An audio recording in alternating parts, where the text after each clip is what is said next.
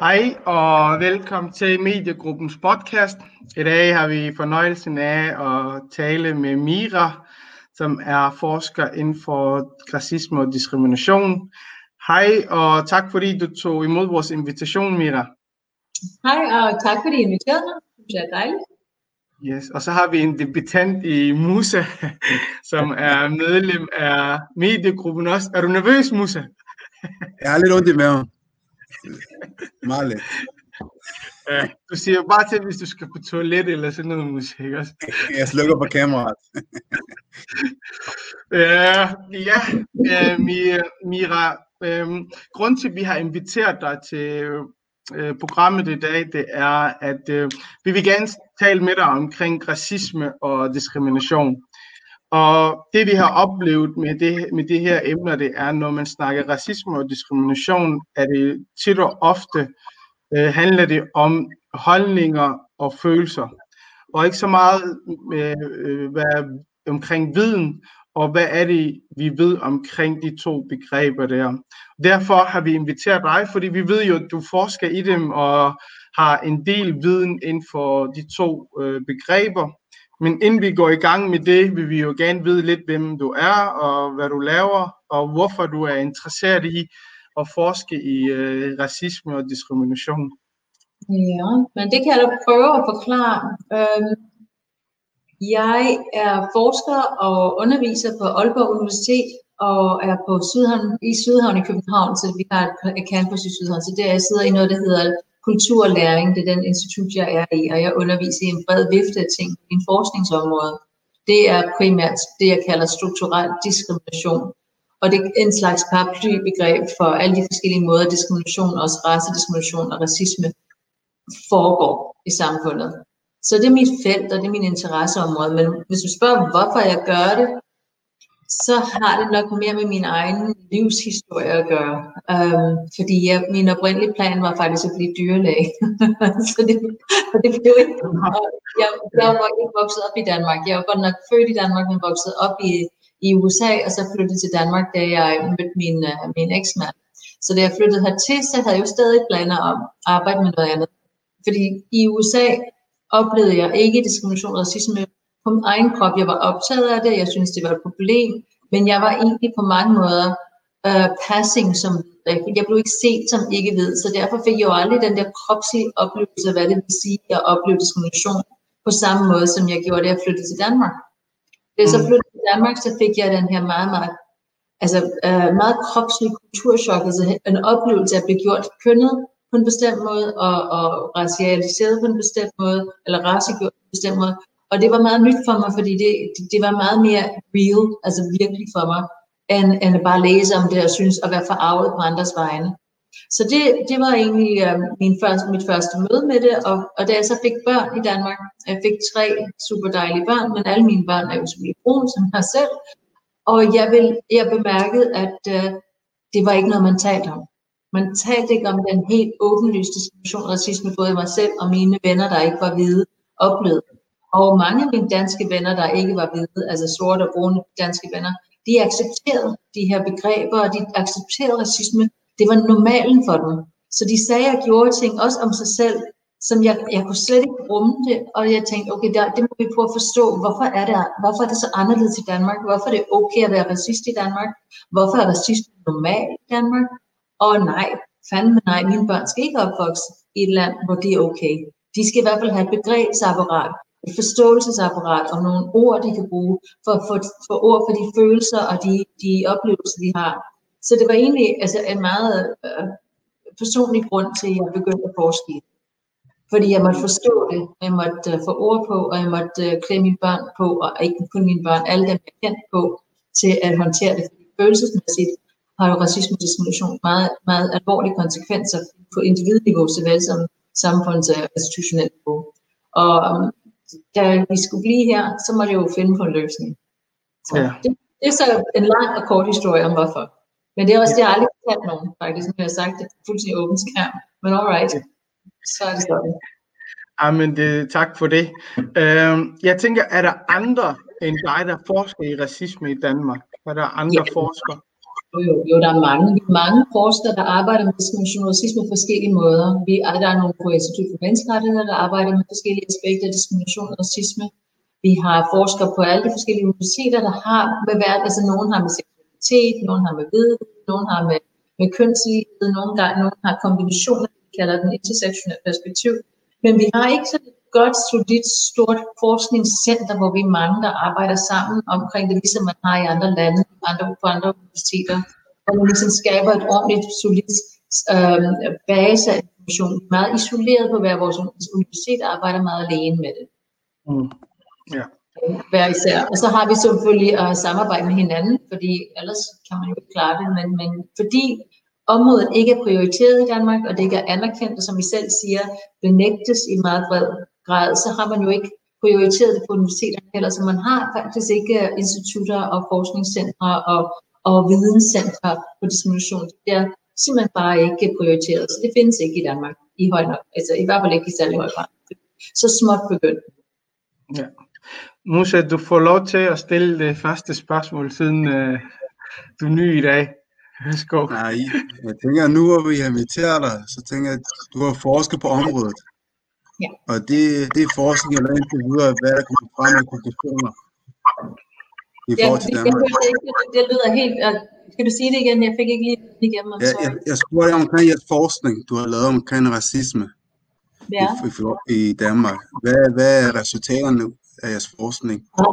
ja, resultaterne. Det er jo, jeg forsker primært i veluddannede brunsort, altså ikke hvide danskere.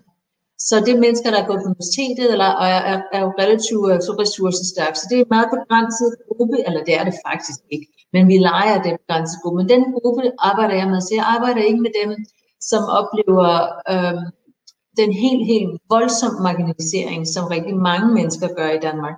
Men, øh, men dem, jeg taler med, øh, og dem, jeg forsker i, mine forskningsresultater viser, at diskrimination er meget udbredt, det er meget subtilt, det foregår på forskellige niveauer, at der, der ikke er nogen, der går fri for det, bare fordi, altså en af argumenterne i Danmark har været, at det ikke er rigtig racisme, det er fordi, der er kulturforskel, eller der er social-økonomisk forskel, som gør, at, at, at, at man ikke kan, altså det er ikke diskrimination, der er spillet på de her andre forskelle. Det er derfor, jeg valgt at kigge særligt på den her gruppe, fordi forskellen er, meget, er, er der ikke. Det eneste forskel er hudfarven. Og så kunne jeg se, at når det kun eneste farve, er den eneste forskel er hudfarve eller udseende eller kropstegn, og der stadig foregår racisme, jamen så er det nok racisme, der er i spil. Så det var egentlig derfor, jeg valgte den gruppe. Fordi så kunne man jo så kunne man ikke bruge de der argumenter, man plejer at bruge i benægtelsesprocesserne. Giver det mening? Man ligesom Ja. sorterer for de andre muligheder og siger, okay, er det, der findes det stadig? Ja, det gør. Så, og det, det, det sker, er, at vi ser, at det sker, sker både på en normale hverdagsmåde, der er rigtig meget hverdagsracisme, hverdagsdiskrimination, alt det, der bliver normaliseret, så i så høj grad, at man ikke lægger mærke til det i sin hverdag. Øh, Der sker eksplicit diskrimination og racisme også. Man møder også de der råb på gaden, tilråb på gaden og dårlig adfærd og jobsamtaler, hvor man ikke bliver kaldt til jobsamtaler, bliver sorteret fra. Man møder alt det, jeg kalder eksplicit eller direkte diskrimination, men man møder også rigtig meget implicit underliggende diskrimination.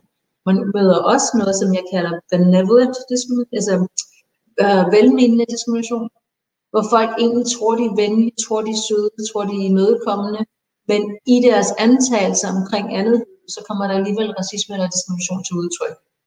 Mhm. Så diskrimination sker på rigtig mange niveauer, og, og på rigtig mange måder, også institutionelle og strukturelle. Det er i hvert fald de resultater, jeg har. Det, det jeg Okay. tænker, Mia, det er, mm, når man snakker øh, diskrimination og racisme, og så er der forskellige definitioner af de to begreber. Kan du, kan du forklare os lidt i forhold til, hvad racisme er først? Ja, altså racisme er mange ting. Man kan sige, der er ikke én ude, diskrimination, der er ikke kun et begreb, for- eller et, øh, én definition. Øh, racisme foregår på flere niveauer. Så du kan snakke om racisme som både den her ideologisk, den gammeldags racisme, som rigtig mange i, Danmark egentlig tror, racisme er. Og det er den her forståelse af, at der overhovedet findes biologisk race, for eksempel. Det, man tror, der findes race, det er jo et, et, et, et, det er en del af det her ideologisk racisme, holdningsracisme. Um, at de her racer skulle være forskellige, det vil sige, hvis du ser ud på en bestemt måde, så er du også på en bestemt måde. Det er en del af den her ideologisk racisme. At du måske gør ting på en anden måde, end, end mennesker, der ikke ser ud, som du gør. At du kan have, være mere kreativ, mindre kreativ, dummere, dogne. Alle de her, altså adfærdsel, der bliver knyttet til, hvordan man ser ud. Det er en del af den ideologiske racisme. Så er der også øhm, den her hierarki, hvor man tænker, at nogen er mind, altså lavere udviklet end andre. Alt det hører til den her gamle racisme fra 40'erne og før, langt før. Det er den racisme, der har været brugt til at uh, retfærdiggøre kolonialismen og alle de ting, det, altså alt det, der er sket i kolonialismens, uh, uh, hvad skal man sige, navn. Det er hele den her ideologiske de fleste mennesker i Danmark tror, det er det, der er. Der er de tror, det er det, der er racisme, og så siger de, men sådan er vi ikke. Vi ved godt, der er ikke findes racer, vi ved godt, der ikke er forskel på den måde, så derfor kan du ikke kalde os racist. Men problemet er bare, at det er ikke sådan, man definerer racisme i dag, ikke forskning og ikke i, i um, aktivisme og det hele taget i udlandet. Der forstår man racisme som noget, der er knyttet til magt. Det vil sige, det, det, det er dem, der har magt som primært er racist, altså forstået som værende er, er agerende racistisk, det er systemer, strukturer og uh, dynamikker, tilstand i samfundet, som kommer fra den her ideologiske og koloniale historie, men som er med til at vedligeholde, fastholde og reproducere ulighed langs race, oprindelse, og det vil sige, det er ikke kun race, men oprindelse og religion, og i virkeligheden i den internationale definition kigger man også på køn, fordi man bliver er diskrimineret forskelligt alt efter, hvordan, hvilken køn man har. Så den, den måde, jeg arbejder med racisme, det er mere i forhold til systemer, strukturer, mekanismer i samfundet, som så kommer til udtryk. Så mennesker imellem, den måde, vi taler til hinanden, de ord, vi bruger, hvordan vi behandler hinanden, men det kommer også til udtryk institutionelt, hvilket rammer og strukturer øhm, er med til at skabe ulighed eller fastholde ulighed, og så også de her strukturer, som er kultur, sprog og forståelse om hinanden. Så alt det der, så det, det, det er mange niveauer. Var det for kompliceret? Nej, nej, det, det lyder meget spændende. Hvis jeg vil gerne læse... Jo, nu skal komme i gang. Nu går vi ja. Jeg ved med, hvorfor du opstod racisme. Det er jo menneskeskabt. Det er jo ikke noget, man er født med. Så altså, hvorfor kom det frem? Hvad var formålet? Så det er godt spørgsmål. Alle spørger, det er et godt spørgsmål. Altså racisme er selvfølgelig ikke noget, vi er født med. Altså vi er født, vi, vi lærer det. Det er noget, vi lærer alle sammen. Ved brun, sort, alle sammen. Vi lærer racisme. Det er en del af vores kultur, sprog, struktur, rammer. Altså det, det er information, vi får både på implicit og eksplicit niveau. Men hvor det kommer fra, det er lidt svært at sige, samfundet er altid hierarkisk, og man laver altid ind- og udgrupper, og man laver altid ind- og udgrupper på en bestemt, bestemt måde. Det gør alle mennesker alle steder, for der, folk vil gerne altså, organisere sig på den måde, og meget ofte. Men lige præcis den racisme, vi ser i dag i, i Europa, USA og så den her racisme, vi arbejder med i dag, den er primært knyttet til den koloniale historie.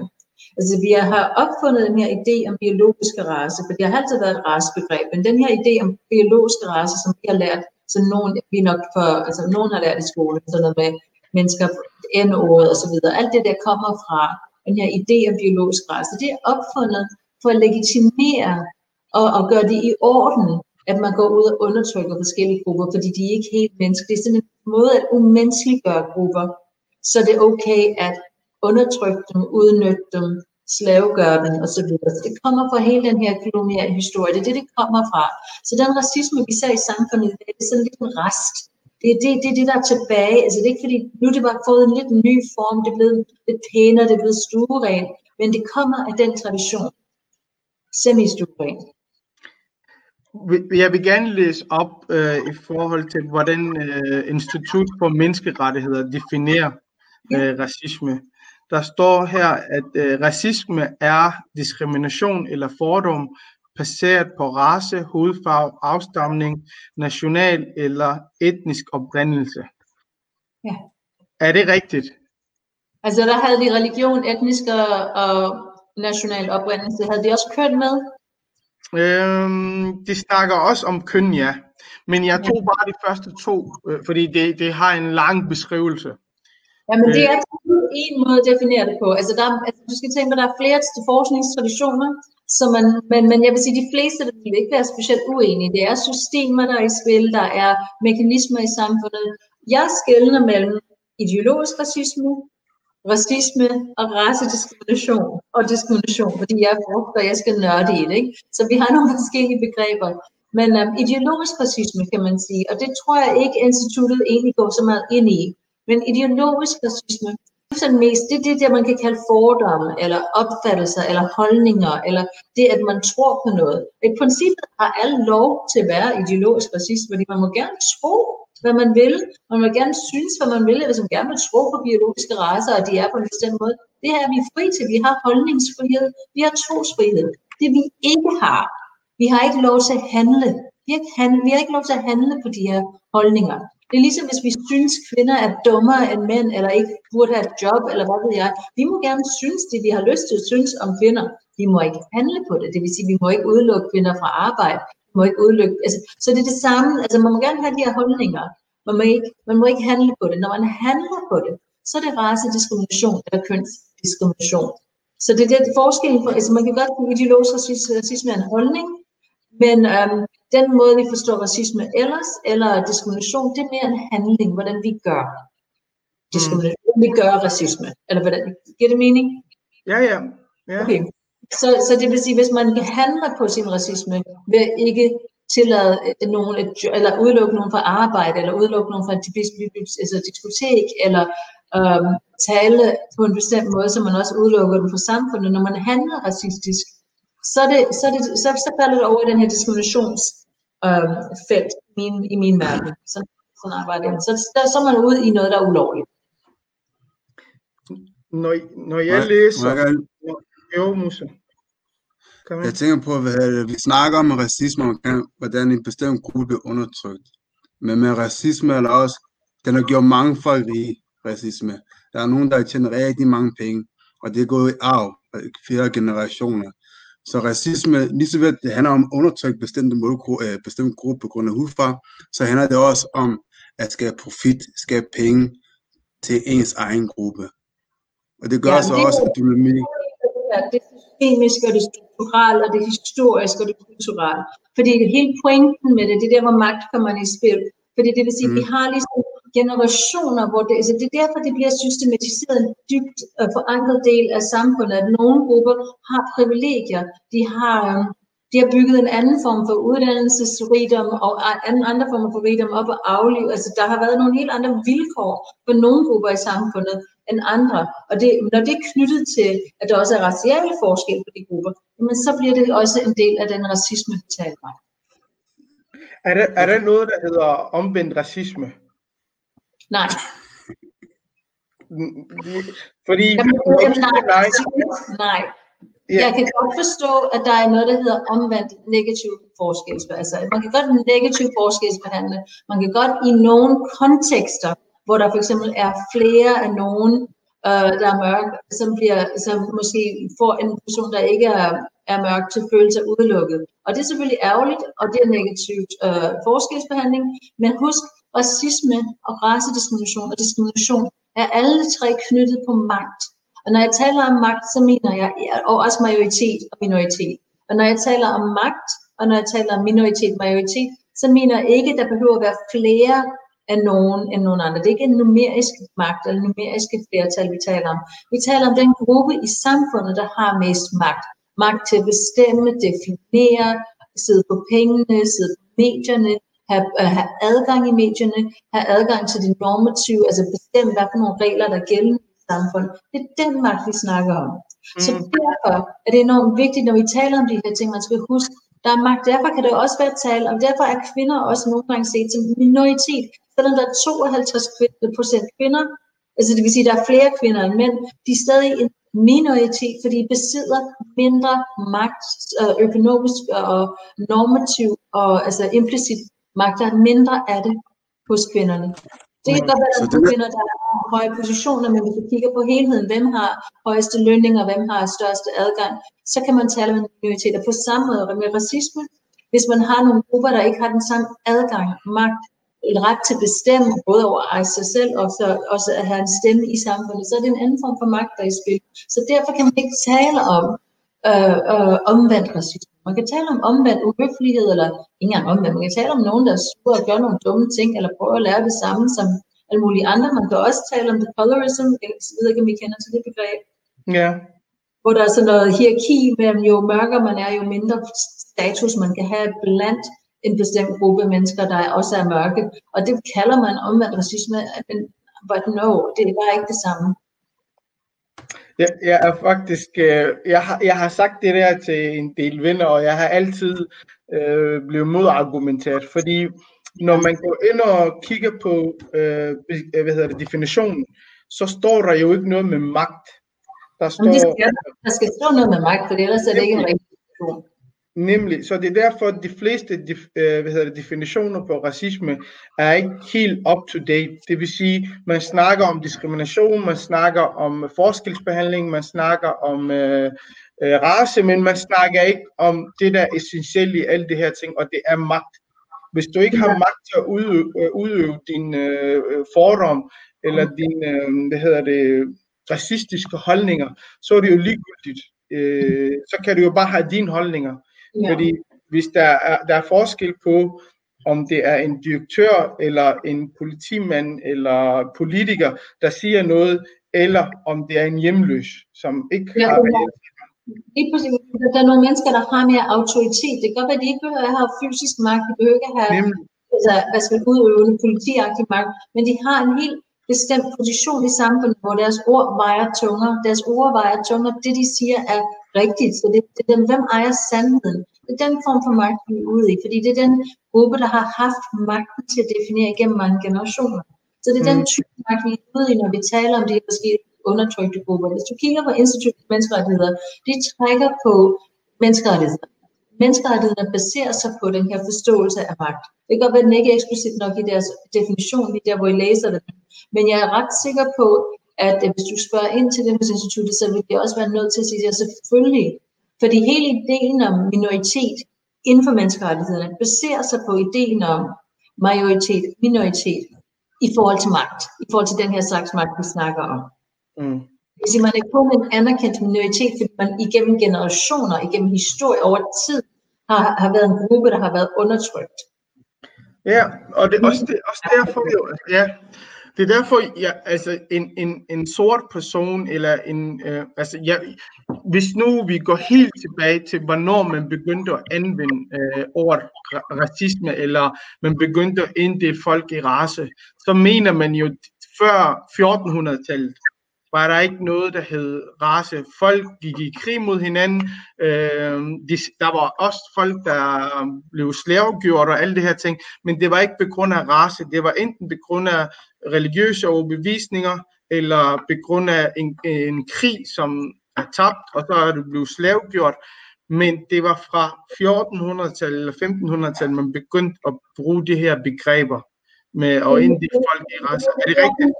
Jeg vil give dig 100% ret, men jeg vil give dig 90% ret. Fordi Ja. man har brugt racebegrebet, men man har bare ikke brugt det på den måde, som vi bruger det. Man har ikke haft den her N-ord-idé eller M-ord-idé. Vi har ikke haft det med asiater og alle de her ting. Vi har ikke haft den form for opdeling. Men derfor havde man ligesom stammeopfattelser, nogen fra en bestemt stamme, hvor man også, for eksempel England og Irland, hvor England har ment alle irerne, som til mine øjne, de ligner ret meget hinanden, men dengang så så man dem som forskellige raser, og Irland, irer blev behandlet rigtig, rigtig dårligt, fordi de blev omtalt som en anden race, men det er rigtigt, det er ikke den måde, vi bruger det i forhold til den her koloniale historie, ikke i forhold til, til sorte og, og brune mennesker fra, fra Global South i dag. Det er den, og den kommer, som du har, det har du 100% ret i, den kommer der omkring og bliver retfærdiggjort igennem noget science. Der, der bliver en sådan antropologisk science, der ligesom skaber de her fortællinger og narrativer omkring de her grupper, som værende mindre, altså tilbagestående og som børn og har brug for den hvide mands hjælp osv. osv. Den her hjælp består, man går ud og så slavegør den, for at sige. Hvad, hvad siger du til, hvis jeg siger, at øh, en sort person kan ikke være racist? Men det kommer an på, hvilket racisme du har i, i, i. Hvis nu har, du har en sort person, Den der, vi får forhold til magten. Altså, jamen, Du- Fordi ideologisk racisme, det er en måde at tænke på, det er en måde at tro på verden på. Hvis man tror på biologisk race, hvis man tror, at brune mennesker er dummere end hvide mennesker, eller mindre tilbagestående, jamen så er man ideologisk racist. Men hvis vi Men- taler om racisme i forhold til magt, og i forhold til den her måde, vi taler om det i dag, så er det, så er det lidt sværere, fordi så handler det om, at man har magten til at udelukke nogle andre. Og der kan selvfølgelig godt være individer, der, der abonnerer på de her fortællinger. Individer, der identificerer sig med magt øh, systemet, og dermed går ind i magtsystemet og agerer på, hvad skal man sige, majoritetens vegne. Det kan da godt være, men det, det, det, det, er her, hvor det bliver kompliceret og spændende, ikke? fordi som gruppe, som helhed, så er det meget svært at sige, men det kan jo ske individuelt, måske. Alt efter, hvordan Hvordan man... kan du komme med et eksempel? Jeg vil gerne have et eksempel så. Hvordan kan det ske? Det kan være, for eksempel, vi har jo også den her fig- figur, der Uncle Tom-figur. Kender I den? Ja, Ja, Altså, men det er sådan nogle figurer, der går ind og siger, at nu vil jeg gerne få en god position selv, og jeg, vil, jeg, jeg nægter, at der er racisme, eller jeg tror på, at, at der burde være gjort forskel, eller jeg tror på, at nogle mennesker er mere tilbagestående. Vi har set nogle forskellige figurer, mennesker, der ligesom øh, har et behov for at identificere sig med magtstrukturen, for at de også på den måde får en god position selv, bliver anset, velanset selv af magt. Så der ser man jo mennesker, der måske abonnerer, eller i hvert fald giver udtryk for, for racistiske øh, Men- holdninger, eller agerer racistisk, selvom de selv ikke er. Øh, Men handler det, handler det ikke bare handler det ikke om at overleve? hvad siger du? Om, du snakker om, om uh, onkel Tom, det er med, at de tager en, en, øh, position for at Okay. undertrykke deres egen i forhold til master. Jeg tænker bare, Ja, handler det ikke om, at det handler om at overleve, og ikke, ikke have overbevisning, men at overleve situationen.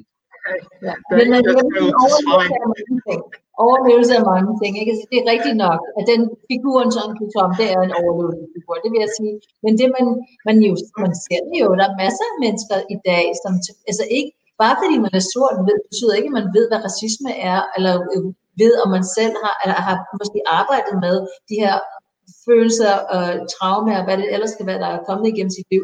Det kan meget vel være, at man ikke har bearbejdet det, ikke er i stand til at håndtere det, eller bare acceptere normerne og abonnere på dem. Der er masser af mennesker, der er racialiseret, som ikke nødvendigvis øh, har lyst til at, at adressere diskrimination og racisme, eller erkende, at de har oplevet. det. Har jeg jo absolut oplevet min forskning også. Den her benægtelse er ikke kun hvide mennesker, der benægter. men, men vi blev enige om, Mira, at der er forskel på handlinger og, og, og, og ideologi. Altså, Ja. du kan tro på, hvad du vil, men hvis du ikke har magt til at handle på det, du tror på, så kan du jo i princippet ikke være racist. Jo. Vi har jo defineret racisme til noget, der er forbundet med magt. Så når man kigger på den sorte gruppe som en gruppe, så har det ikke magten til at udøve det, de mener i princippet. Så det er derfor kan en sort person i princippet ikke være racist jo. Ja, i princippet ja. Men derfor kan der godt være individuelle mennesker, der har magt og kan agere på vejen af magten, som Så- agerer racistisk alligevel.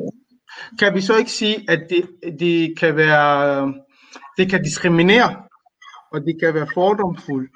Fordi Ja. diskrimination, det kan alle gøre jo. Det kræver, jeg kan jo diskriminere mellem min familie for eksempel, ikke? det kan Ja. alle gøre. Ja, hvis man kan lave skelnen mellem racisme og diskrimination, ja, altså, altså holdningsracisme og diskrimination, så ja, det vil jeg give dig Ja. ret i. Problemet er bare, at i forskning, når jeg arbejder med det, så putter jeg racisme over i holdningsbunken. Men det vi Mm. ser i i meget international forskning er, at det jeg kalder diskrimination, også er bliver kaldt for racisme. Så man skal ligesom, det er meget vigtigt, som du selv siger, at man lige skælder, er det holdning, eller er det handling, vi snakker om.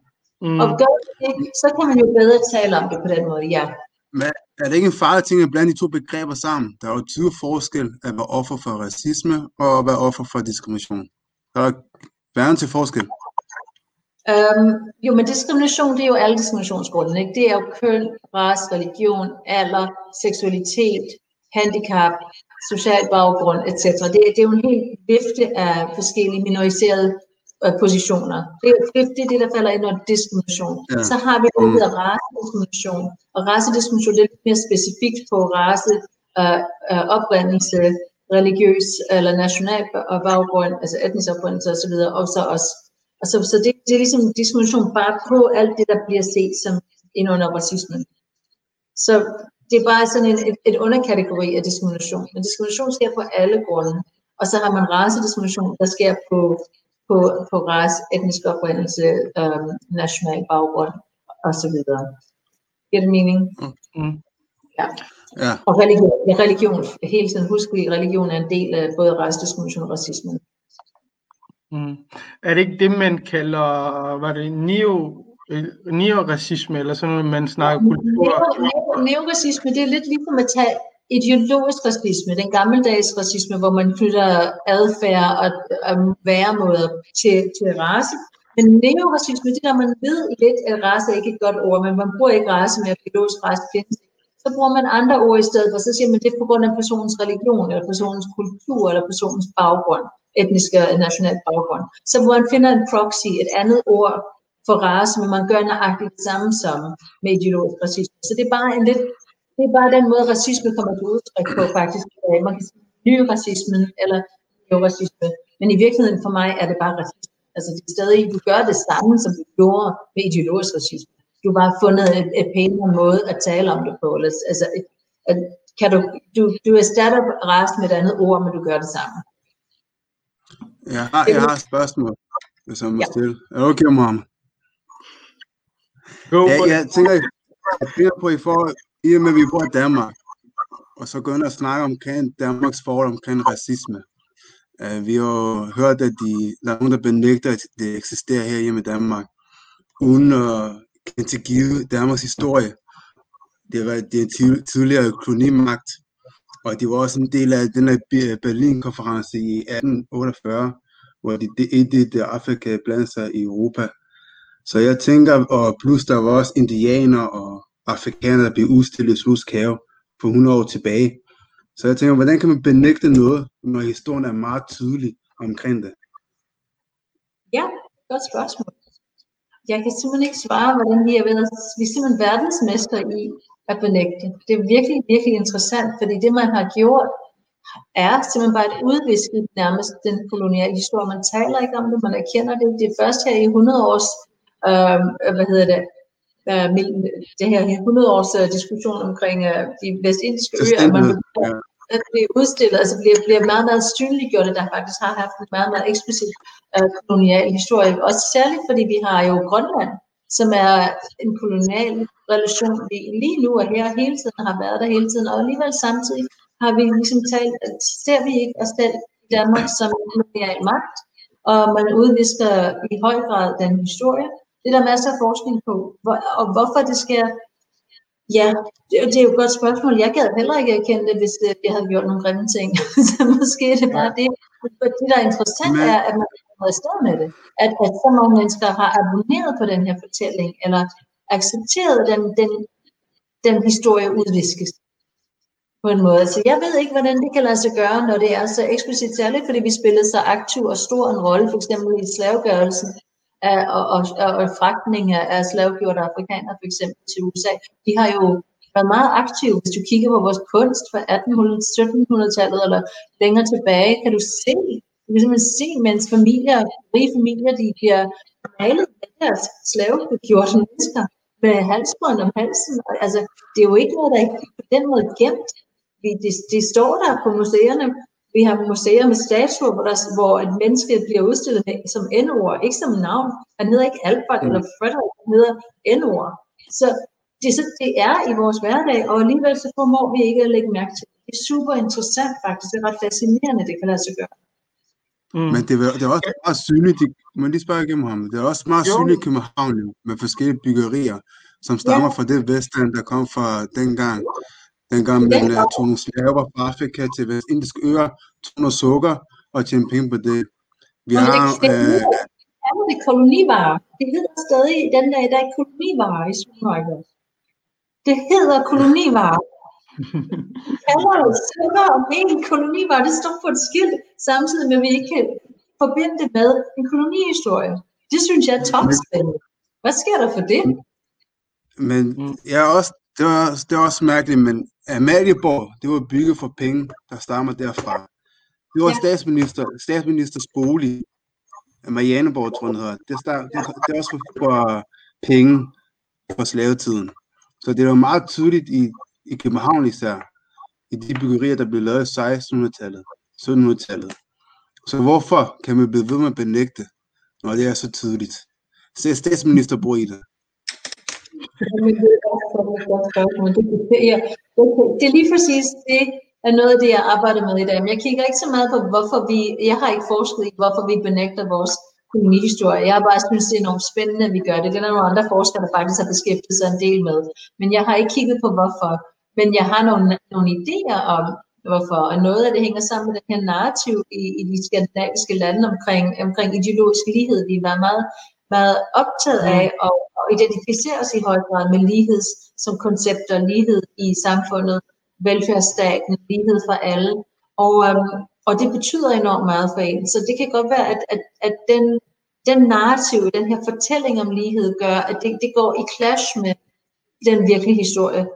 Så Men, det, undskyld, den, må jeg gerne komme med pointe? Ja. På det plan kan Danmark ikke sammenligne sig med Sverige eller Finland eller andre nordiske lande, fordi de deltog til den her konference i Berlin i 1848, der handler om, at vi skal opdele Afrika. Og de grænser, vi ser i Afrika nu, det stammer derfra. Ja, men Danmark identificerer sig stærkt med, skandi- med de andre skandinaviske lande, så måske er den identificering med til at gøre, at man ligesom kan snige sig over i den der felt og lade som om man ikke har gjort det. Jeg ved det ikke. Jeg kan faktisk ikke Mm. svare som forsker på det. Jeg ved simpelthen ikke hvorfor, men jeg synes, det er super interessant.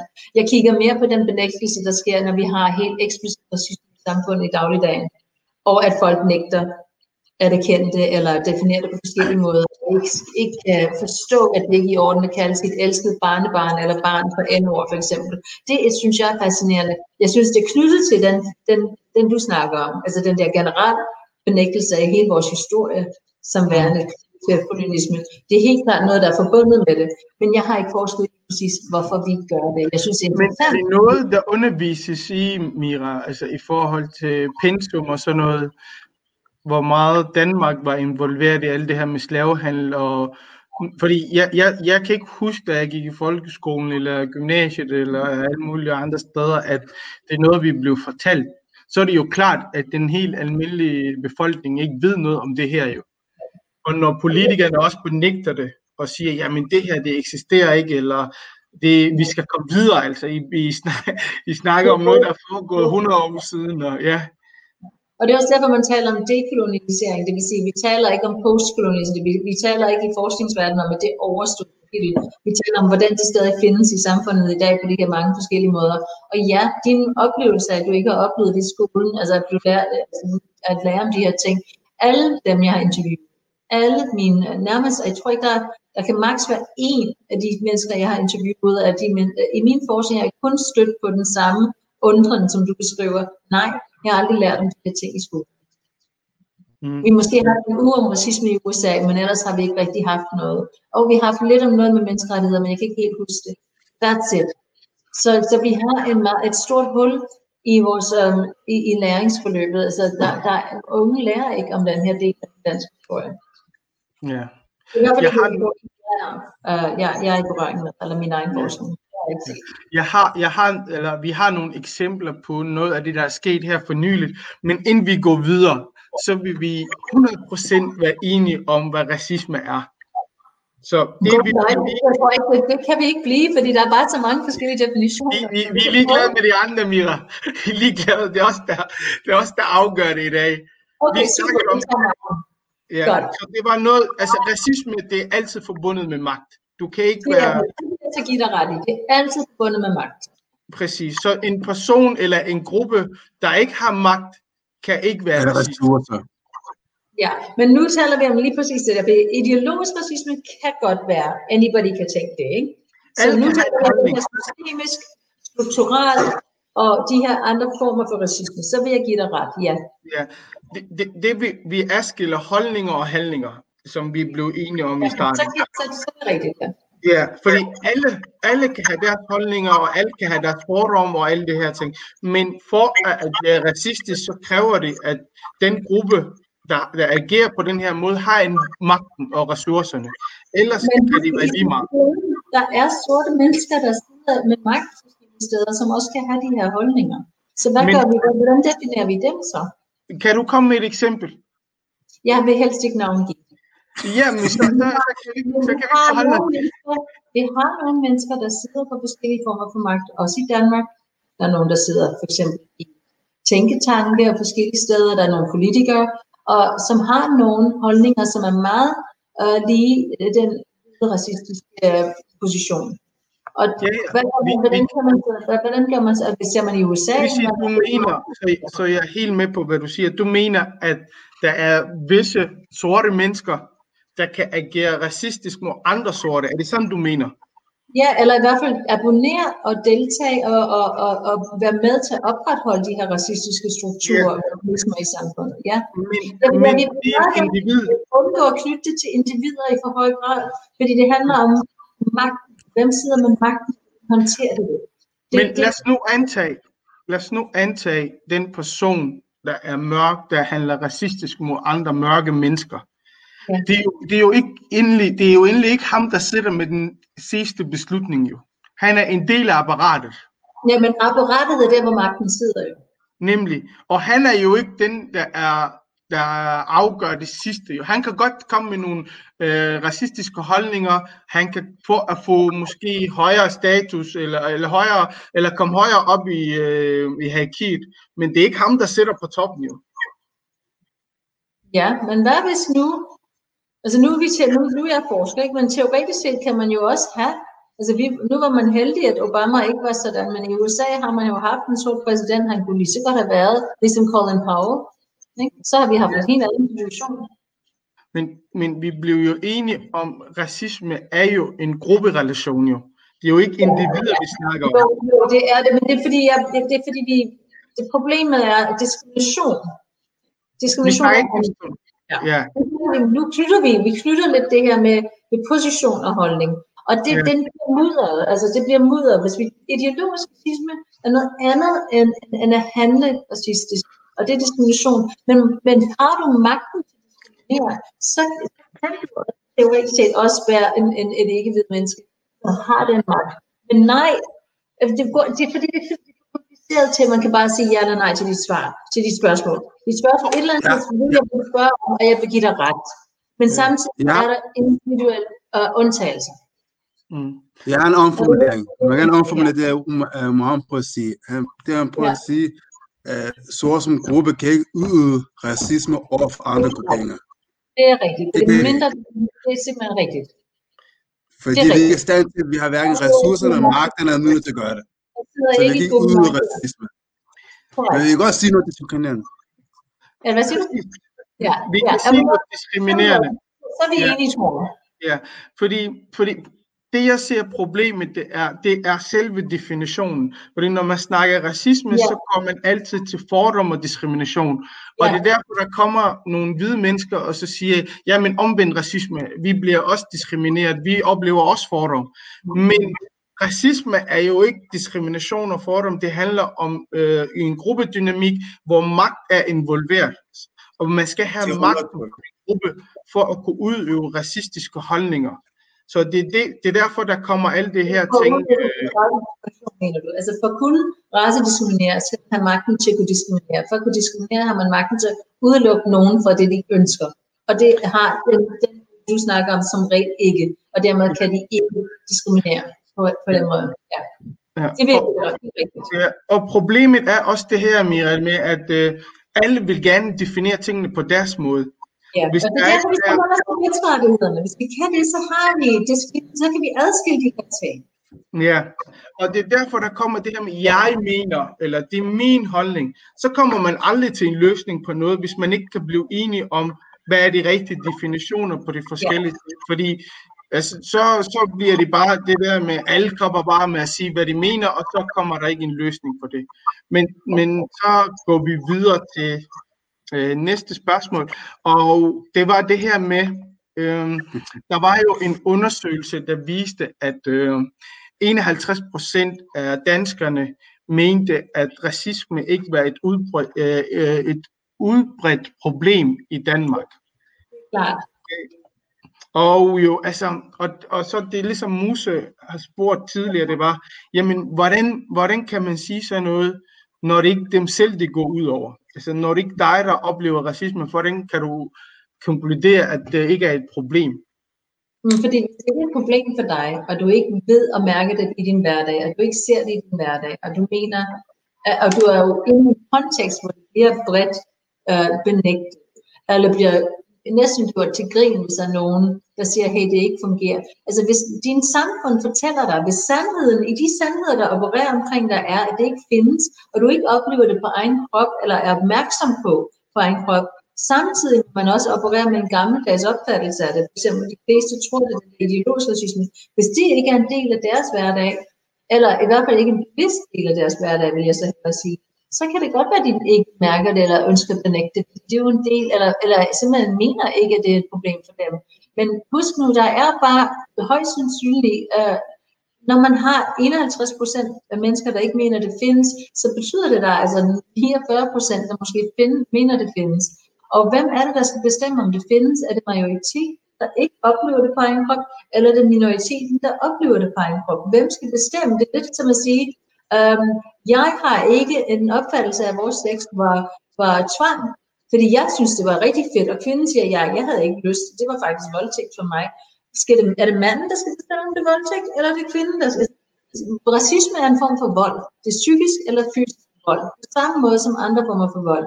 Hvor skal, hvordan, hvordan skal have lov til at definere, når den vold er sket? Mm. Giver det mening? Ja. Altså, det, jeg tænker, det er jo ikke så mærkeligt, at hvis man ikke selv synes, at man har, altså, har lavet diskrimination, eller man ikke selv oplever diskrimination, så er det ikke så mærkeligt, at man, ikke, man, at man siger, ja, det, jeg mener ikke, det er et problem, for det er jo ikke et problem for dem, der har svaret. I hvert fald ikke i deres bevidsthed, men det betyder da ikke, at det ikke er et problem i samfundet. Det betyder, at det ikke er et problem for lige præcis de mennesker. Mm. Og jeg vil så anfægte at sige, at bare fordi man ikke er klar over, hvad det er, og man måske ikke kender de konsekvenserne, for diskrimination og racisme har også konsekvenser for majoriteten.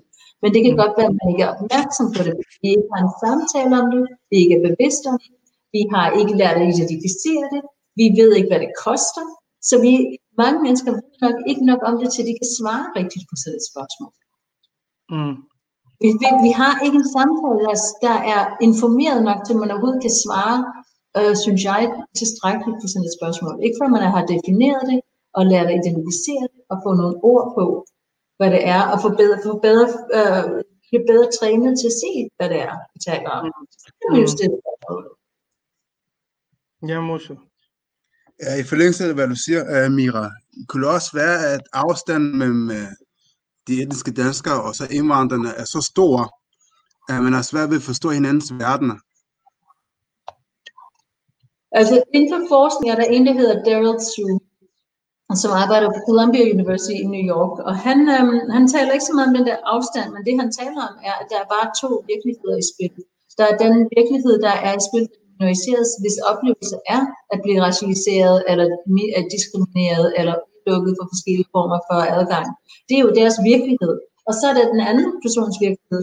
Så vi har ligesom en kamp om, hvis virkelighed skal være den rigtige, hvis, hvis hvilken virkelighed skal være den sandhed. Og det er klart, når minoriteten ikke, er vant, altså ikke har styrken og magten til at komme til ord, så bliver det majoritetens sandhed, der vinder.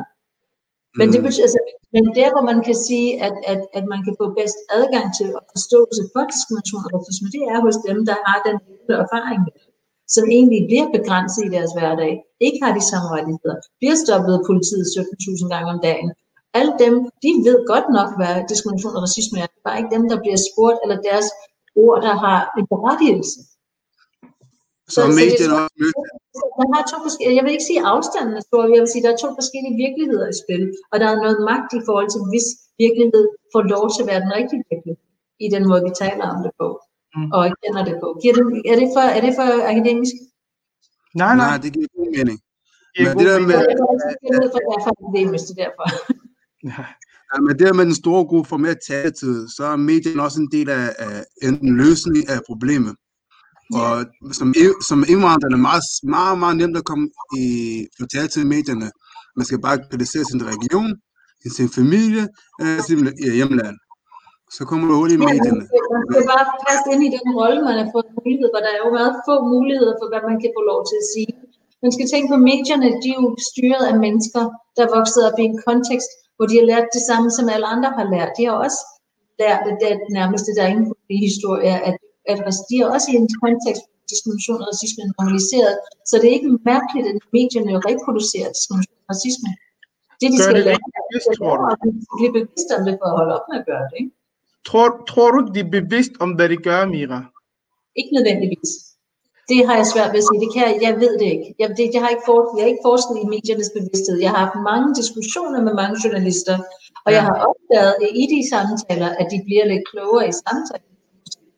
Altså min, i min erfaring øh, er de nysgerrige og vil gerne vide det, og så er der også nogen, der er enormt øh,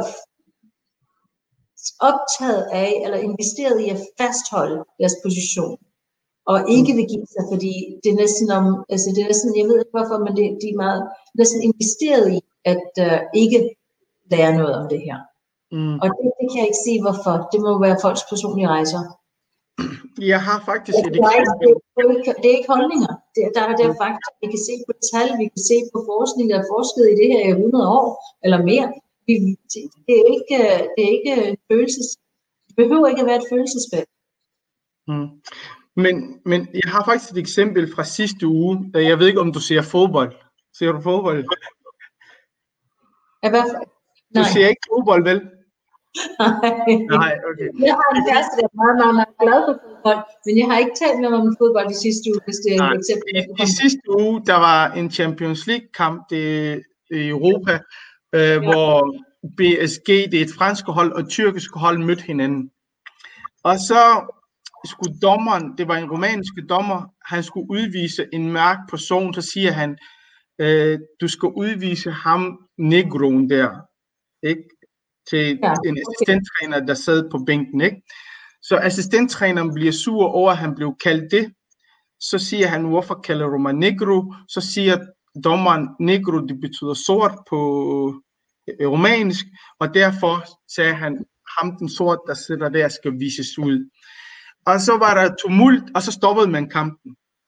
Ja. Og så fem, tre, fire timer efter skriver TV3 Sport, som dækker sport og Champions League og sådan noget, at sagen havde ikke noget med racisme at gøre, fordi det har talt med UEFA.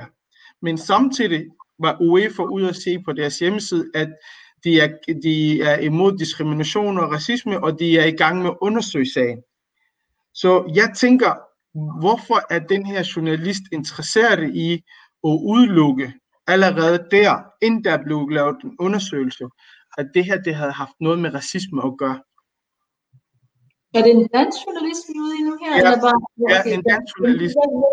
Hvorfor, men hvis det er en dansk journalist, vil jeg bare sige, at det taler ind i den her det benægtelsesmekanisme, vi har, hvor vi ikke rigtig ved præcis, hvad der taler, når vi taler racisme. Og hvor vi straks laver den connection til biologisk racisme. Det er det ene. Så rigtig mange mennesker i dag mener faktisk, at ordet er bare et ord for sort. Fordi de Mm. forstår ikke, de forstår ikke, hvad det, altså, hvad det betyder. Så det, det taler ind i den her benægtelsesdiskurs, eller benægtelsestradition, eller benægtelsesrefleksrespons.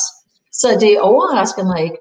Um, jeg tror, at det kan være, jeg ved ikke, hvad jeg skal sige, jeg er ikke fuldt der sag, Men- men det overrasker mig simpelthen ikke. Sådan. Men spørgsmålet er, hvorfor skulle han være interesseret i at udelukke det?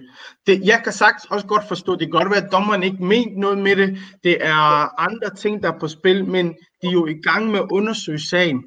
Så hvorfor har han behov for at skrive, at han har talt med en højstående person i UEFA, som han ikke nævner navn på, som siger, og så skriver han i overskriften, UEFA mener, det her det har intet med racisme at gøre. For det første, det er ikke noget, der er foregået i Danmark, det er noget, der er foregået i Paris, det har ikke noget med et dansk hold at gøre, men han vil insistere på, at det ikke er et problem, og det er helt vildt mærkeligt for mig, at en journalist handler på den her måde. Altså nu kender jeg ikke sagen, og jeg kan ikke rigtig udtale mig om det. Jeg- kan vise dig, at Han benægter, at uh, situationen kan have noget med racisme at gøre, før det bliver undersøgt. Det har vi jo set før. Altså, Mm. Det sker ret ofte, at vi, det første respons er altid benægtelse, fordi det, det knyttes til dårlig intention, til ondskab, og han tænker, at det er jo bare en dommer, der har sagt et ord, som dommeren knytter til noget andet. Og så for ham er det noget med, han, han knytter det snaks til moral og følelser, frem for handling, som er, at man har brugt et racistisk ord, og man er, man er, man har, jeg ved ikke, hvad man mere har gjort i den der situation. Så det, det er jo nok, jeg kan ikke forklare den der andet end, at det er den der ret klassisk benægtelsesmekanisme, vi har. Hver gang racisme kommer op, så benægter man. Og vi har i Danmark en, en, en diskussion om N-ordet, som jeg tænker er fuldstændig utidsvarende. Det er 2020. Nobody else in the world talks like that. Det er kun mm. danskerne, der fastholder den berettigelse til at bruge det ord. Noget man kalder inden for racisme, kalder man det entitlement racism, eller berettigelsesracisme. Min ret som majoritet til at bestemme, hvad for nogle ord jeg vil bruge for at definere jer, de sorte. Mm. Og, og det er jo en, det er en magthandling, hvor man fastholder og insisterer på at bruge et ord, som ikke ønskes brugt. Og men selv, jeg ønsker ikke, at nogen kalder mig et bestemt ord. Så når man insisterer på at kalde mig det ord, så bruger man sin magt til, til at tvinge mig til at acceptere, at du har ret til at kalde mig det. Og det er jo en, en mærkelig mekanisme, men det er jo en magtmekanisme, som kommer i spil her, vil jeg mene. Og er problematisk. Mm. Jeg viser dig lige artiklen, jeg har den her, så du kan se det. Ja. Jeg bliver træt, når det ord stadig er i spil. Jeg kan slet ikke forstå det. Altså, jeg bliver mm. træt. Der, der står her, UEFA til TV3 Sport, episoden i Paris har intet at gøre med racisme. Og, og samtidig, jeg kan lige vise artiklen også i forhold til, ja. hvad UEFA siger.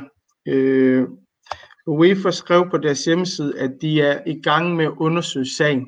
Så UEFA har ikke talt med den her journalist. Det kan godt være, at han har talt med et eller andet højstående person, som han ikke nævner navn på, men stadigvæk, han skal jo ikke blande sig i det her, indtil man finder en løsning på det. Og så har der været jo den her... Hvad? Men jeg kan ikke sige noget om den her journalist, det må være på hans egen regning. Jeg kan ikke forstå, ja. hvad han gør, andet men... end han gør, det man gør i Danmark faktisk, det der benægtelse. Men jeg kan ikke sige noget mere om det. Altså selv at anvende ordet, det falder ind under definitionen af racisme, og så må man jo så diskutere, om man anerkender det eller ej, altså i UEFA. Mm. Ikke, Men de kom jo i forbindelse med, at du sagde, at de ikke ved noget, eller de gør det ikke bevidst, hvor jeg tænker, ja, de vil ikke Ja, hvor jeg det tænker, at de er bevidst om, hvad de gør. Altså jeg vil stadig sige, at der er en mangel på, på en naturliggørelse af en samtale omkring det her. Vi har jo ikke uh, en udbredt viden på den her måde. Der er rigtig mange danskere, der mener, at de, de, de, de ord, de er vokset op med at bruge, er i orden. Og vi har ikke haft en savlig diskussion om det. Så går ind på den følelsesdiskussion, som egentlig ikke er særlig vel um, um, vi er ikke vant til at tale om det på en ordentlig måde, og vi går direkte i defensiven og siger, at hvis, altså næsten en skam, hvis jeg har brugt det her ord, så er jeg et dårligt menneske. Så går man ind i stedet for at sige, men det er jo, jeg er jo ikke et dårligt menneske, jeg mener ikke noget med det. Det vil sige, man knytter den her følelse og mening, intention til det. Og det er jo mm. det, der er over i følelsesfeltet. Altså, det er en handling, man har brugt et ord. Ordet har nogle racistiske problematikker i det. Det er et racistisk ord. Det kan godt være, at du ikke er racist, fordi du ikke tænker ondt, når du bruger det, men handlingen er stadig racediskrimination. Altså der, der, der, det er der, hvor det bliver en diskussionsadskillelse. Mm. Så den her person, den her dommer, bruger et ord, som hvis UEFA anerkender racisme og den, den internationale definition af racisme, så vil de nok komme frem til, at det ikke er et ord, der er Men så kan det, altså jeg ved ikke, øh, hvorfor den her øh, journalist siger, som han gør. Det kan jeg simpelthen ikke svare på. Ja, ja men det, det var bare et eksempel. Det er ikke mere diskrimination og racisme, hvis han gør det. Mm.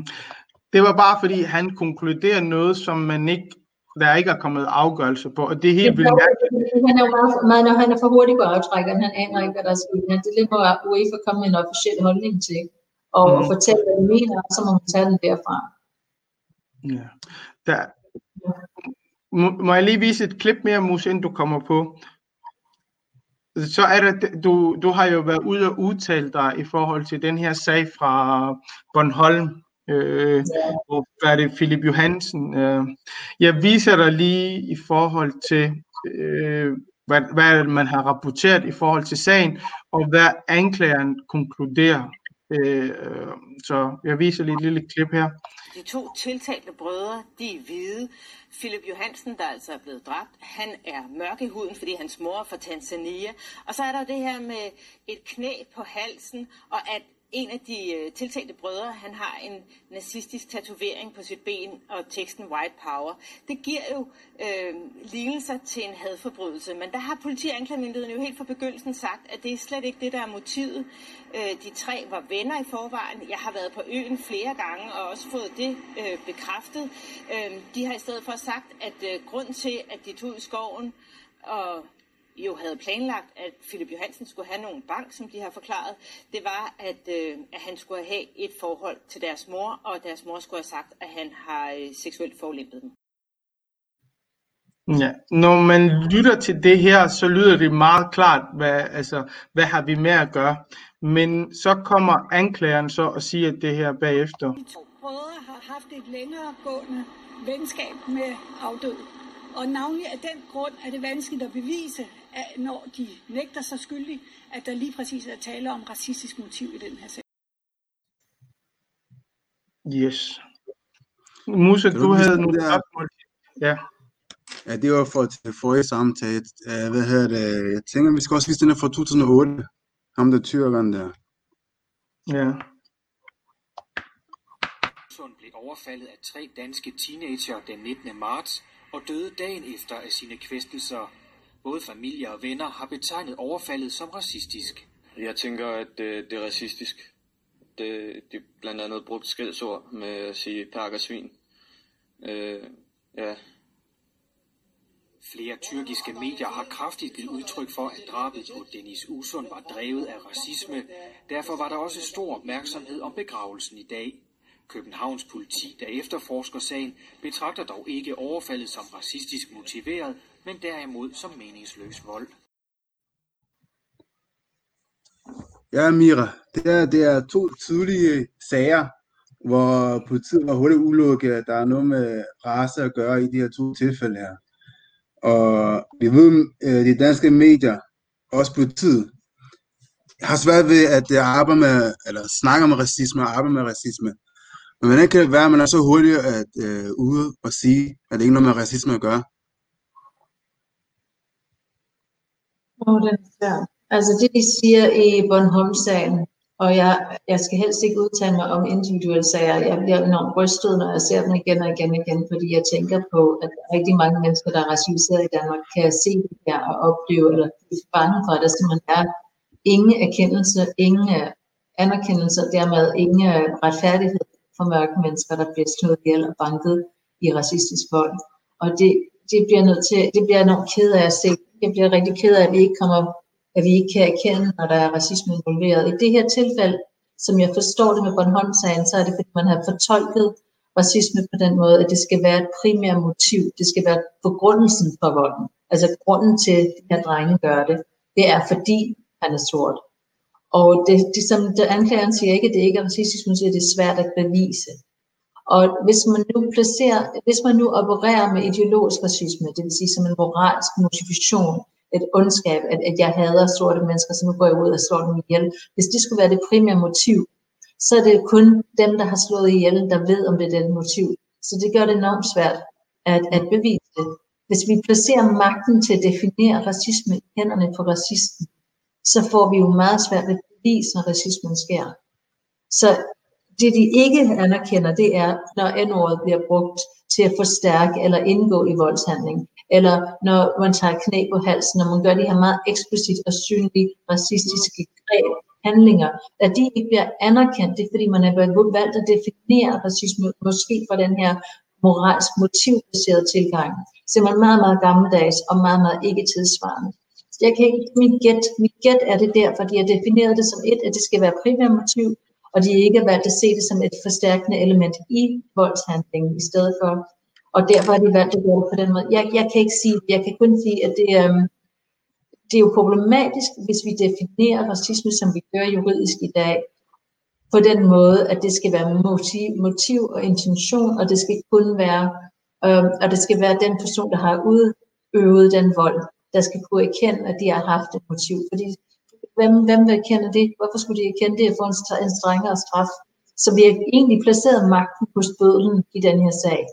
Og i forhold til den unge dreng, den 14-årige dreng, der bliver slået ihjel med en baseballbat af de her andre drenge, men de kalder ham p-ordet og svin og så videre. Og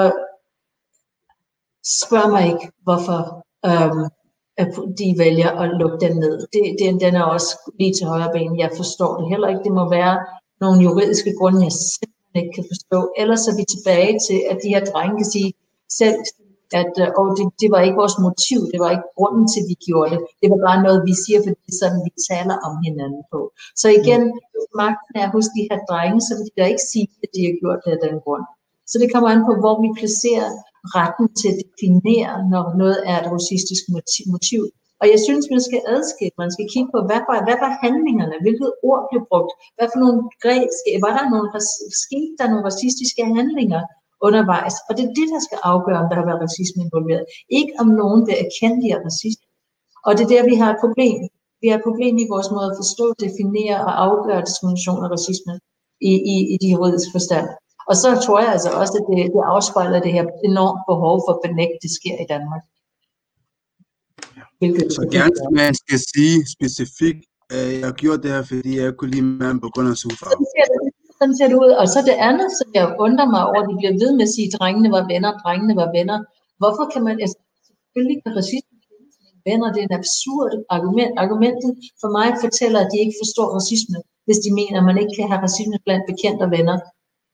Det kan man Mm. sagtens. Man kan også have homofobi mellem folk, der elsker hinanden. Man kan sagtens have et homoseksuelt barn, og at hade sit barn, fordi de er homoseksuelle, og samtidig elske deres barn. Altså, det giver ikke, man kan godt være racist og være venner, man kan godt være homofob og være venner, man kan godt være sexist og være gift med en kvinde. Stop, selvfølgelig kan det findes. Altså, det er jo argumentet for mig fortæller, at de ikke fatter, hvad racisme handler om. Det, det jeg tænker faktisk, det er, hvad hedder det, altså hvor meget beviser skal man have altså, øh, for at dømme en efter hadforbrydelse? Fordi, se, Hvorfor vi, er der rigtig meget i Danmark, der er virkelig få mennesker, alt for få i forhold til det racisme, der sker. Der er alt for få, og det vil sige, bevisproblematikken er, er forkert. Der er, en, der er en forkert grundlag for det her i juridisk hvis hagekors og white power og, og holdninger, der er kendt for offentligheden, ikke er nok til, at en person kan dømmes for hadforbrydelse, så, så ved jeg ikke, hvordan man kan dømme andre mennesker i, i sådan nogle sager. Det andet ting, det andet ting, det er jo øhm, i forhold til den her sag, det er, at man har udelukket motivet efter 48 timer. Det vil sige, jeg, jeg forstår godt, at vi lever i et retsstat, og politiet skal bevise noget, og, øh, og heldigvis for det, så man ikke bare sidder der inden for noget formodning, men at der skal være beviser, men at de ikke undersøger det eller stiller spørgsmål omkring det i retssalen, og det, det forstår jeg simpelthen ikke noget af. Altså, hvorfor kan man ikke undersøge? Man behøver ikke at blive dømt for det, men, men i det mindste kan man godt undersøge det. Gå, bruge lidt mere ressourcer på det, og så sige, okay, ja, men vi har, øh, vi har undersøgt det, vi har gjort, hvad vi kunne, men vi kunne ikke bevise det. Det er også noget, man kan sige jo. Men efter 48 timer, altså, det giver jo slet ikke mening jo. Men altså, jeg kan ikke rigtig, jeg har ikke været i den, involveret i den sag. Det eneste, jeg kan sige, er, at de argumenter, jeg har hørt, har været, argument 1 har været, det har været, fordi det har været blandt venner. Argument 2 har været, argument 2 har været, det er noget med, det er svært at bevise, fordi man kan ikke sige, at det er motivet, altså, altså hoved, hovedmotivet. Og hvis det er de tre argumenter, så er det den måde, de har valgt at definere diskrimination og racisme på, eller racisme i de her tilfælde. Og det vil jeg bare sige, det er ikke en, en, en, en definition af racisme, der svarer til den internationale definition, der er i spil til forskning, til, til den viden, der findes i dag. Det svarer til det gammeldags forståelse af, af den her ideologiske racisme. Så det kan være min fortolkning. Fortolkning er, at de opererer ud fra den her ud, ud, um, uddaterede forståelse af racisme. Mm. Forstår. Måske er det derfor. Jeg, jeg kan ikke sige, hvorfor jeg har. Jeg vil helst ikke udtale mig for meget om det. Jeg ved ikke nok om. Jeg ved ikke, hvad de forskellige individer er. Det, de siger, er, at de har svært ved at bevise det.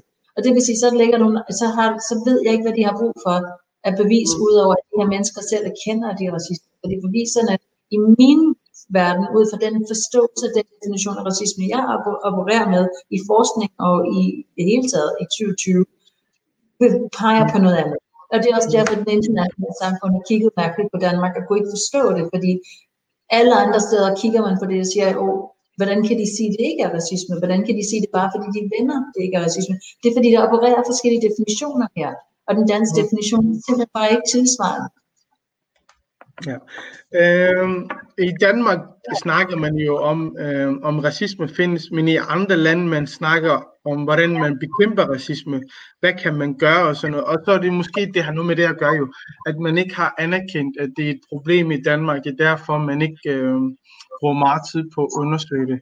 Vi har ikke så lang tid tilbage, Mira. Øhm, så Musse, du, du vil jo tage den der med konsekvenserne af... Øh, Nej, ja, symptomerne. Øh, øh, jeg tænker på Mira. Vi snakker om de forskellige definitioner af racisme og lidt den historiske kontekst. Øh, jeg tænker på, indmyrerne af snakker om de symptomer og bivirkninger, for, folk kan få psykologisk af at have oplevet racisme. Det er jo en trauma, man bærer med sig jo. Og man ser, Ja. folk øh, bruger produkter, der gør deres øh, hud lysere, øh, gør så de får fjernet deres afro. Så hvad hedder det, hvilken, hvilken bivirkningssymptomer kan det have psykologisk? Det er med, Altså, jeg, altid under.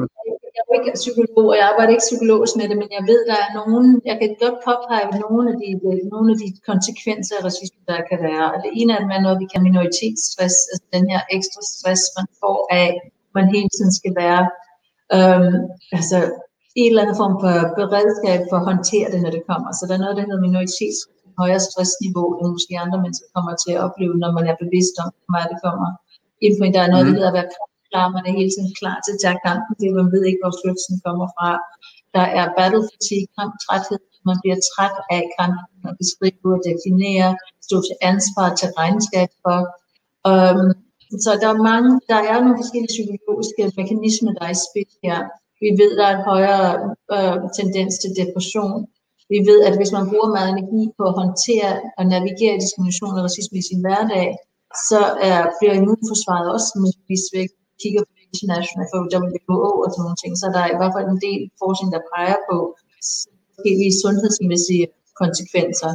Vi ved, at konsekvenserne ikke er kendt, ikke anerkendte diskrimination og racisme, kan også uh, skabe uh, så meget um, hvad skal man sige, mental, mental arbejde på at navigere i det, at man nedkommer, præstationen kan falde i forhold til skole og arbejdspræstation.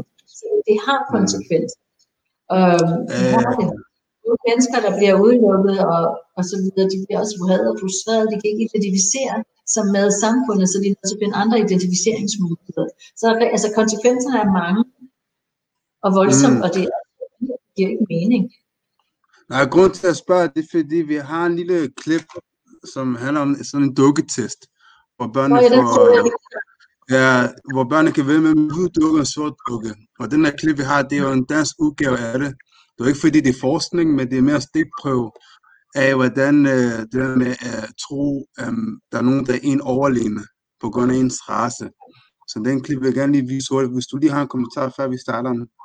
Jamen, jeg Dukketesten er baseret på forskning. Det er baseret på Clark and Clarks psykologforskning i 50'erne. Okay. De, de, de, de er forbi af deres test.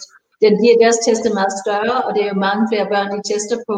Men den danske test Okay. er på 40 børn. Så det, det, det, det er faktisk det, det er en kopi af den test, der bliver lavet i, i jeg tror det er 50'erne af de her psykologer. Okay, Og, øhm, super. Det, der er interessant, er, det er 1950'erne, men, men svarene i Danmark, eller det procentdel af børn, der har den her internaliserede, øh, hvad skal man kalde det, racisme, der havde, at svare til det samme racisme, der var i, i USA i 50'erne. Og det er jo super interessant procentmæssigt, at vi har de samme problematikker. Altså, det, det er nærmest det samme resultat i dag. Eller i Altså i 2008, Danmark, altså, altså, altså i Danmark, den der foregår Ja, i i 2008. 2008, der var testen. Så svarer Ja. det til de samme procenter, der, der man ser i USA i 1950'erne, når den Okay. amerikanske test er lavet. Okay, super. Jeg, jeg viser det lige, det, det er på 12 minutter, men uh, jeg viser lige et minut af det. Vi kan ikke vise alle 12 minutter, Nej, det er så simpelthen ja, helt, ja. Den. Ja. vi viser lige et par af de børn Det er der. meget vigtigt for forældrene. Sådan en af de to dukker vil du helst lege med.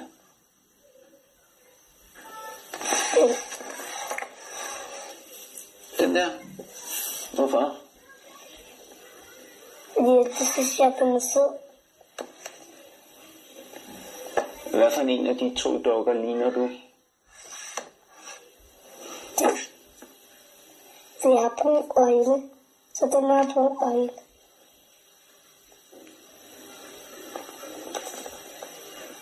Øhm, den der. Hvorfor kan du bedst lide den? Fordi den ser ret nuttet ud. Hvad er der nuttet ved den? Det er der, hvor den laver sådan en mærkning, og, og den tøj også rigtig nuttet. Og dens hud, den er hvid, og det kan jeg godt lide.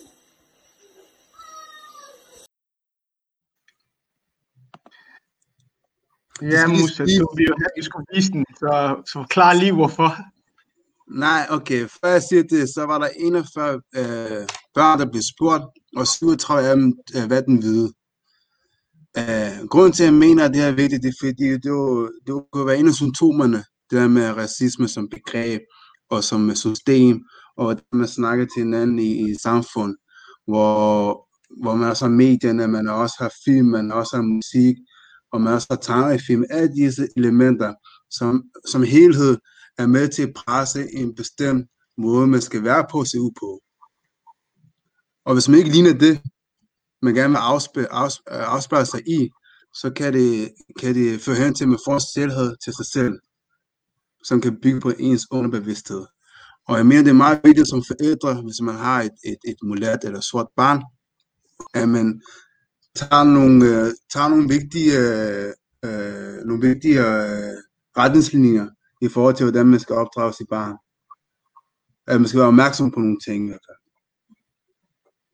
Altså den forskning har vi set igennem mange, mange år. Det starter allerede, det starter tilbage i 40'erne, og, og, og, vi ser det igennem uh, mange år. Og vi ser også Frans, Frans Fanon taler om det her internaliseret racisme, og hvad det gør ved den sorte uh, identitet. Og på samme måde, det har vi set igennem historien. Daryl Sue, uh, uh, Robert Carter, der er rigtig mange psykologer og psykiater og forskellige, der arbejder med det her uh, problematik.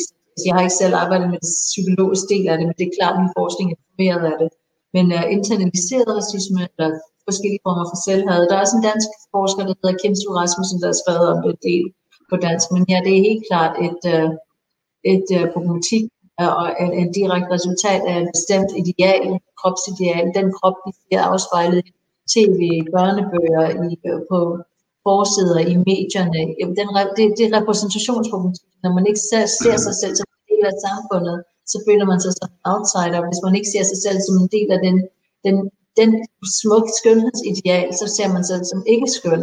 Så det er jo, det er jo ikke, det er ikke en overraskende ting. Det, det der er overraskende er 2020, at det fortsætter. At vi ikke har gjort noget ved det Det er jo, mm. at man ser nogle ændringer på nu. Men det er jo, det er jo, det er, det er meget voldsomt, hvad det gør ved unge mennesker. Og det er helt små børn, vi snakker om. Ja, men altså racisme og diskrimination har betydning for helt små børn på 2-3 års alderen mindst. Det viser forskning i hvert fald, at det allerede i 2-3 års alderen begynder at have en, en tydelig eksplicit påvirkning. Og uh, nogen vil sige, men, men, men som forældre ikke så, hvad hedder det, har man ikke svært ved, hvad hedder det, at ændre den opfattelse, børnene kan få af sig selv. Fordi det er jo ligesom meget system. Ja, forældrene kan gøre en del, men den, og den racisme og diskrimination, de unge mennesker påvirker sig, eller helt små børn påvirker sig, ikke kun i familien, det er jo hele samfundet, det er alle steder, ja. hvor det er de billeder, de ser i hverdagen, det er legetøj, børnebøger, tv, børnefjernsyn, øh, skolebøger, det, det er så mange forskellige dele, altså forældre kan have en samtale og begynde at åbne op for den dialog, det kan hjælpe, men de kan ikke løse det, for det er jo igen strukturer, kulturer, systemer, det er et bredt spektrum af ting, så hvis ikke vi får en dialog om det i samfundet, så får vi meget svært ved at bekæmpe. Ja. Jeg har faktisk set et klip, Mira, hvor du snakkede om uh, børn, der har været til test, og det klarer sig godt, men ved at man nævner deres etnicitet eller hudfarve, så klarer det sig mindre godt. Kan du forklare det der? Ja, men det er meget, meget kort, men øh, vi skal nok runde af, men meget, meget kort. Vi, vi ved, der er nogle eksperimenter eller nogle, noget forskning, det er ikke foretaget i Danmark, det er foretaget i andre lande, hvor man har lavet for eksempel en test. Børnene af unge mennesker, jeg tror det har været 8. og 9. klasse unge mennesker, de har været ind og lavet for eksempel en matematiktest. Og så er de øhm, klaret sig, som de plejer at klare sig på den her matematiktest. Og så et, et kort, jeg tror det er inden for en time, skal de tage den samme test igen, nøjagtigt den samme test, de samme problematikker, de skal løse. Men i mellemtiden er de blevet gjort opmærksom på enten deres køn eller deres etnicitet. På, og, og lige pludselig så går de ind med den her bevidsthed om, at, at, at piger er ikke lige så gode til matematik, og, og, og brune er ikke lige så dygtige som vi. Så går de tilbage med nøjagtigt den samme test, og klarer sig dårligere på samme test. Så det, det er bare den test, jeg refererer til. Men vi ved, at der er jo, der er jo en, det har en betydning, hvordan vi bliver opfattet, hvordan vi bliver i talsat, og hvad for nogle forventninger, der lægges til os. Så der forventes vi ikke dygtige, så er der mange af os, der vil være dygtige, fordi det er den forventning, det er den sandhed, man opererer med. Mm. Øh, lige til sidst her, der er to spørgsmål, og så siger vi tak for i dag. Den ene, øh, han siger her, Mira, tusind tak, fordi du deltager i debatten her, og, øh, og for at være super god til at forklare og lære fra dig. Hvordan kan det være, at vi ikke har set dig eller eventuelt andre forskere i medierne tale højt om det her? Tænker du, at medierne generelt er berøringsangst for at oplyse den danske befolkning om raceproblemer, øh, og hvorfor eventuelt? Altså, jeg tror, det handler om, at der simpelthen har været en, en, et behageligt samtale om det her. Det har, forst, det har i meget høj grad været en følelse- og holdningsfelt. Og man har ment, at øh, det, jeg arbejder, hvis jeg siger noget, så siger jeg noget, der er min holdning, at jeg er ikke informeret af min forskning. Så måske er det, fordi det har opereret i en holdningsperspektiv, man ikke har egentlig været opmærksom på, at der findes forskning på det. Der findes begreber, der kan hjælpe os forstå det her. Der findes svære diskussioner, bare fordi, bare fordi der er begreber, betyder ikke, at det er nemt. Altså, de er stadig komplicerede og overlapper og fletter ind i hinanden. Og det er jo ikke nogen nem verden at gøre sig i. Og hvis man skal i medierne, så skal man skal det være hurtigt og nemt og klare definitioner. Måske er det simpelthen for kompliceret, og måske er det, fordi det, det er så ubehageligt for så mange mennesker at skulle erkende, at de har en udfordring. Fordi, fordi der er både skam og dårlige følelser forbundet med det, og man bliver ked af, at det ikke er nemt at løse, måske. Jeg ved det ikke. Jeg, jeg, jeg er også nysgerrig på, at vi er tilbage ude i Danmark omkring det. Der er virkelig mange andre lande, der, der takler det her på en helt anden måde. Så det håber jeg snart, Danmark begynder også at gøre. Ja.